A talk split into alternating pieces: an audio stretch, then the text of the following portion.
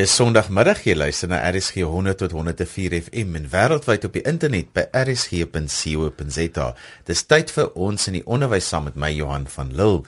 Vandag praat ons oor leierskap en geluk en om hieroor te praat, het ek vir Dr. Jannie Leroux. Jannie, hoekom is dit van toepassing op ons in die onderwys?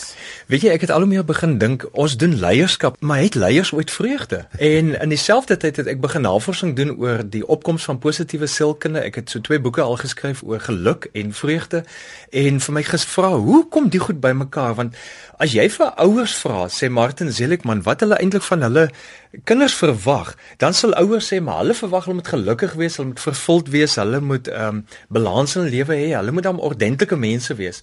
Maar wanneer jy begin kyk na waar op onderwys en al die ander goed fokus, dan is dit prestasiemeting, dan is dit wie gaan bo uitkom, wat is sukses, al daai ander goed. So daai goed word nie lekker aangespreek en my vraag is, hoe kan ons leierskap en geluk by mekaar uitbring want as ons mekaar daarmee kan help dink ek gaan ons hele Suid-Afrikaanse samelewing help verander Ek dink dit is so belangrik vir onderwysleiers, vir onderwysers, vir almal wat betrokke is by onderwys om ja, leierskap in hulle klasse toe te pas, maar ook die geluksaspek daarvan dan te besef en deur te trek. Kom ons begin praat Jannie, hoe bring ek die twee bymekaar uit? Vir my is dit belangrik om vir elkeen in die klas te help verstaan jy is 'n leier waar jy is. As jy vanmiddag vir jou sussie help met iets om 'n bepaalde koers in te slaan, om 'n bepaalde nuwe droom te koester, om 'n strategie te hê om ander mense saam te betrek om dit te doen, dan is jy besig met leierskap.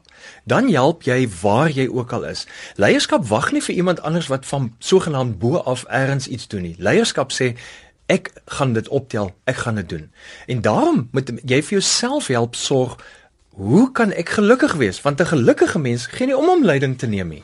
'n Mens wat nie gelukkig is, leef uit vrese, leef uit angs, leef uit depressie uit en dan gaan jy nie vorentoe nie. Jy trek al meer in jouself in.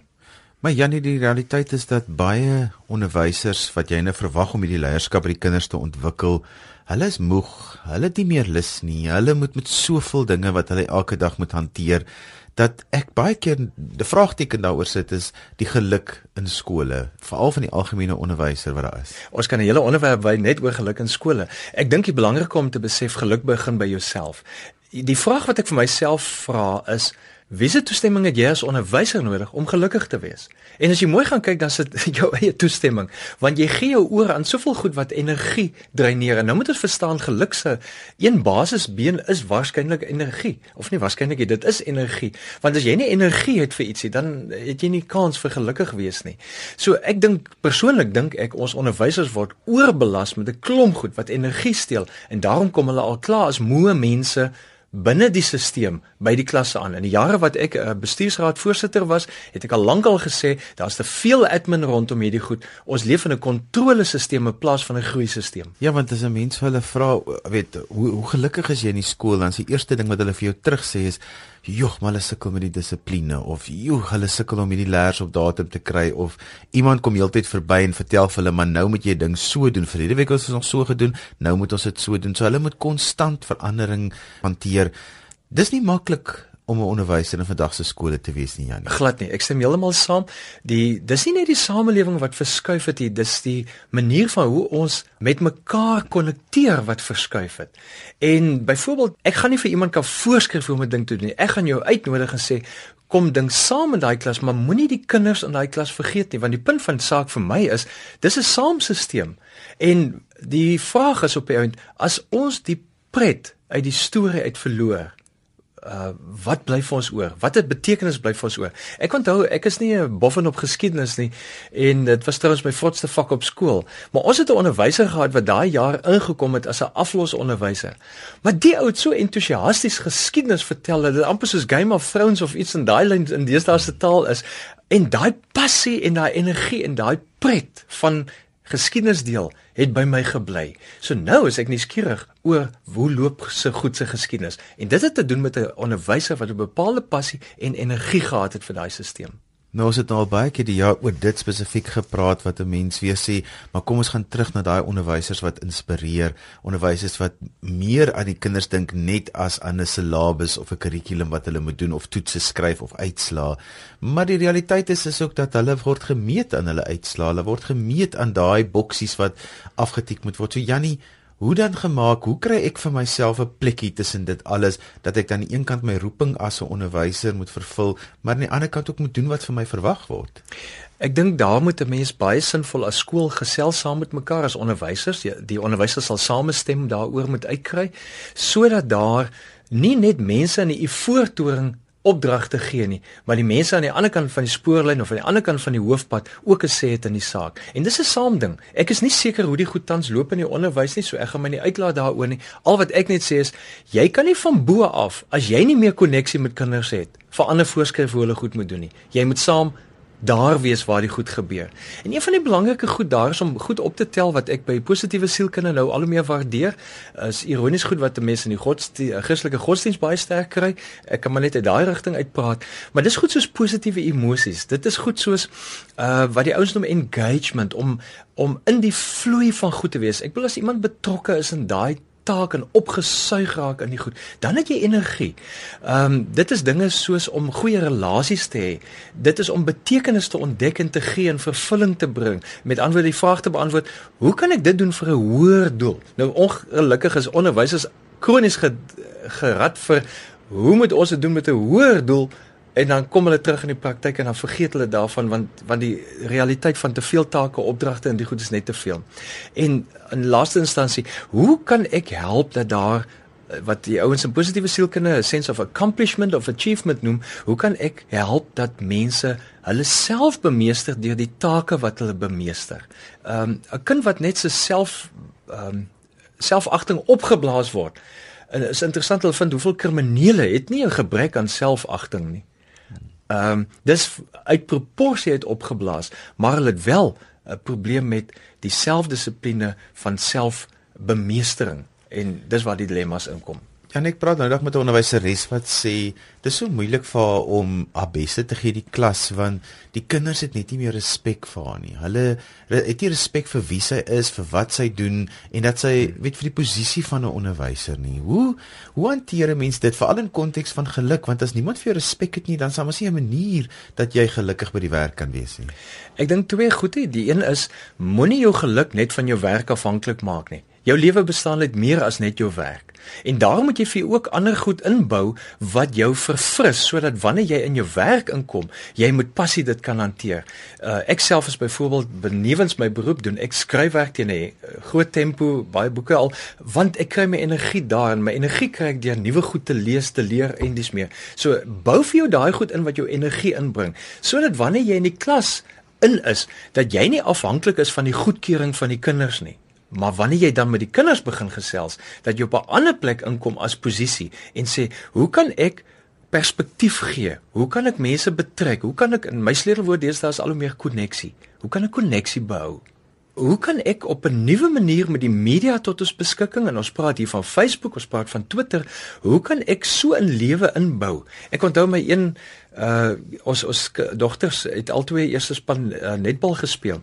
En die een juffrou wat hulle afgerig het tot vandag tot sy invloed sy so rukkie terug aan aan kanker oorlede maar daai invloed wat daai juffrou ingebou het was groter as dit net wat sy in die klas gegee het want sy het in die kind belê en dit in 'n sekere sin is one on one een tot een jy gaan nie almal net op 'n vlak kry nie jy sal moet moeite doen dink ek om net 'n bietjie meer te weet van mekaar. En dit vat tyd. Dit vat tyd. My gas is Dr. Janie Leroux en ons praat vandag oor leierskap en geluk in die onderwys. Nou Janie, ek sien jy het 'n paar notas saamgebring. Vertel bietjie vir ons af van 'n kant af, wat is die wenke wat jy daar gebring het? Weet jy, ek sou sê, ehm um, ek is ook besig om om leierskap op ander vlakke aan te bied. En een ding wat ons vir mekaar al hoe meer sê is, jy's nie alkundige nie. So tap in by 'n groep ander kundiges. Skep 'n Facebook-blad vir jou tipe situasie en nooi ander oor die wêreld heen om saam te gesels want ons leer by mekaar. Die tweede een is leer hoe om energie by jouself en ander te ontsluit. 'n Derde een is omhels angstigheid. Leierskap se twee goed waarmee ons moet saamleef die hele tyd is liefde en angstigheid. Angstigheid want jy gaan in 'n rigting in waar niemand nog was nie. So met ander jy gaan waag, jy gaan foute maak, jy gaan allerlei goed oorkom. So leef met daai angstigheid want angstigheid help jou om 'n bietjie verder te gaan.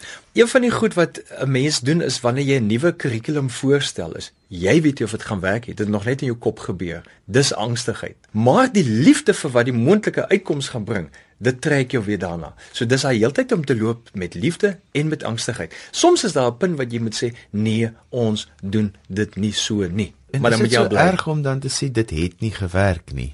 Uh, jy ek dink ons moet almal sê, die goed is 'n voortdurende eksperiment. Dit wat 100 jaar terug is, ehm um, gaan oor 100 jaar van nou af weer iets anders wees. En ons is tussen daai tye. So ons sal moet sê, 'n ding het nie gewerk nie of kom ons probeer. My gunsteling woord is kom ons eksperimenteer hiermee. En kom ons gee vir mekaar die wenk. Sê vir elke kind in die klas en ek sluit daaraan by Benjamin Zander wat hierdie uh, dirigent is wat gesê het the art of possibility. Hy sê kom ons begin met die ding om vir te sê, "My elke kind het 'n A. Wys nou vir my hoekom is jy 'n A werd?" Want wanneer jy in die klas inkom en met die gedagte vertrek, ja, jy's iemand met wie ek goed moet inforceer, dan ontsluit jy nie potensiaal nie, dan forceer jy in en wat gaan jy anders kry as weerstand? Ek self doen baie motiveringswerk, maar die styl wat ek dit nou doen is baie anders as vroeër. Ek sal deesdae baie meer met klank werk, ek sal baie meer met multimedia werk en die goed by verruim. Maar daar's tog 'n essensie van 'n storie. En nou wil ek vir onderwysers die wenk gee. As jy 'n waarheid wil oordra, bly vertel die stories van wat werk. Ons is geneig om vir ouens te vertel wat nie werk nie. En ons het 'n retikulêre aktiveringsstelsel in ons almal ras, as jy dit so wil noem, wat fokus as ek vir jou sê moenie nou blou raak sien nie. Johan, dan sien jy net blou oral. Dis hoe ons koppe werk. So wanneer jy vir kinders sê moenie moenie moenie, Wat gebeur? Hulle bly daarop fokus. So nou groei jy nie aan die ander kant dit uit nie. Daarom vertel die stories van wat werk. Prys die goed wat werk. Gee erkenning vir die goed wat werk. Nie eerste, tweede of derde plekke nie. Ek stel in daai tipe stelsels belang nie want daar's ander stelsels ook wat ons nie in die skole meet nie waarmee mense vergelyk word. Ek wag nog vir die sport waarin ek kan deelneem waarin ek eerste sal wees. Ehm um, ek het nou eendag gehoor ek hoor almekaar van fantastiese nuwe sportsoorte wat nooit ons daar was nie. Ehm um, so met die gevolg daar's potensiaal wat ongin word op totaal ander maniere waarin ander mense ook eerste kan wees. Maar kom ons help mekaar om om 'n A te wees. Ek, ek dink dis die punt. Ons help almal om 'n A te wees en dan sê ons vir mekaar vertel die stories van waar jy gesien het die ding werk en ontluik dit uit gemeenskap uit. Ek het enige ou ontmoet wat in die armste gemeenskappe eh, begin het om met um, met selfoonkoneksies mense wat aan dwelms verslaaf is te help om hulle self te help en hy gebruik die bendeleiers om daai verskil te maak. So daar's baie mooi moontlikhede, maar ons sal multimedia en multigerig mekaar met intrek sê, wie kry ons almal aan boord om saam te gesels oor hierdie goed? Ek dink die sleg is die die slegte nuus haal die koerante. If it bleeds, it leads maar in die onderwys sal ons iets anders moet sê en hoe gaan ons dit optel dat ons gelukkige kinders het? Want ek dink as ons gelukkige kinders het en daarmee praat ek van vreugde ek praat nie van 'n happiness smile gesiggetjie nie dis meer as dit. Ek praat van mense wat in staat is om hulle lewe met betekenis aan te rig. Hoe gaan ons dit help? Want dan gaan ons in 'n gemeenskap ook 'n verskil kry waar mense hulle goeie stories vertel Ons het onlangs gepraat met mense juis op hierdie program wat in baie moeilike omstandighede skool hou. Daar waar bende geweld is, daar waar armoede is, waar dit regtig moeilik, waar die skole veilige ja. vesting ja. in daai gemeenskap is en wat my opgeval het van daai mense was die vreugde waarmee hulle skool hou, die geluk. Ja dat ja. hulle skool toe gaan want hulle weet hierso maak hulle 'n verskil. Ja. Ek was eendag in 'n in 'n winkel waar waar Raymond Ackerman een van sy plekke oopgemaak het. En wat vir my opvallend was, die persoon wat destyds die die top persoon by hulle was, sê toe vir die personeel en, en ek moes hier een deel van die winkelopening hanteer. Toe sê die ander persoon vir hulle, "Leave your baggage at home." En ek het lank gewonder wat dit eintlik bedoel tot ek geklik het. Jy het soveel ellendes by die huis. Kom net in 'n ander spasie en gee jouself in daai spasie. So ek wil vir mense sê, skuif tussen spasies, maar hoe moer jy raak, hoe meer draai jy die een spasie in die ander een in op. Ouens is 'n ongelukkige gemors. So leer om tussen spasies te leef. Sit 'n ander hoed op, trek ander klere aan as jy in 'n ander spasie is. As jy in 'n onderwys kom, sit vir jou jou onderwys goed aan, maar dan sit jy iets met 'n blom in jou sak of 'n strikdassie op jou hemp of wat jy ook al wil doen. Maar trek anders aan in 'n ander spasie. Dit is so eenvoudig soos dit. En dan het jy 'n ander karakter, jy het 'n ander rol. Vroeger jare was onderwysers in die gemeenskap mos nou mense na wie almal geluister het, maar deesdae sê hulle mos nou ons het ehm um, gehoorsame onderwysers en kwaai kinders en kwaai ouers. Hoe moet 'n onderwyser sy geluk vind binne al hierdie goeders wanneer hy voortdurend kritiek beleef van hy's nie goed genoeg in dit nie, hy kan nie hierby uitkom nie, sy program is vol en is net akademie, akademie, akademie. My formule is eenvoudig: 30% mense as gevolg van hulle persoonlikheidstipe is by verstek is hulle negatief. So maak vrede met daai 30%, jy gaan hulle nooit oorwin nie of baie selde. 30% is by verstek positiewe mense. Kry hulle dadelik aan boord, maak hulle deel van jou span en werk met 'n spanbenadering. Laat hulle jou vennote wees. En die ander 40%, kyk watter een van daai 32% die hardste skree. So as jy die positiewe 30% jou kan kry, gaan die ander 40 saamkom, gaan die laaste stil raak want jy het 'n meerderheid van positiwiteit wat beweeg. Janie, nog so 'n paar laaste wenke vir ons onderwysers.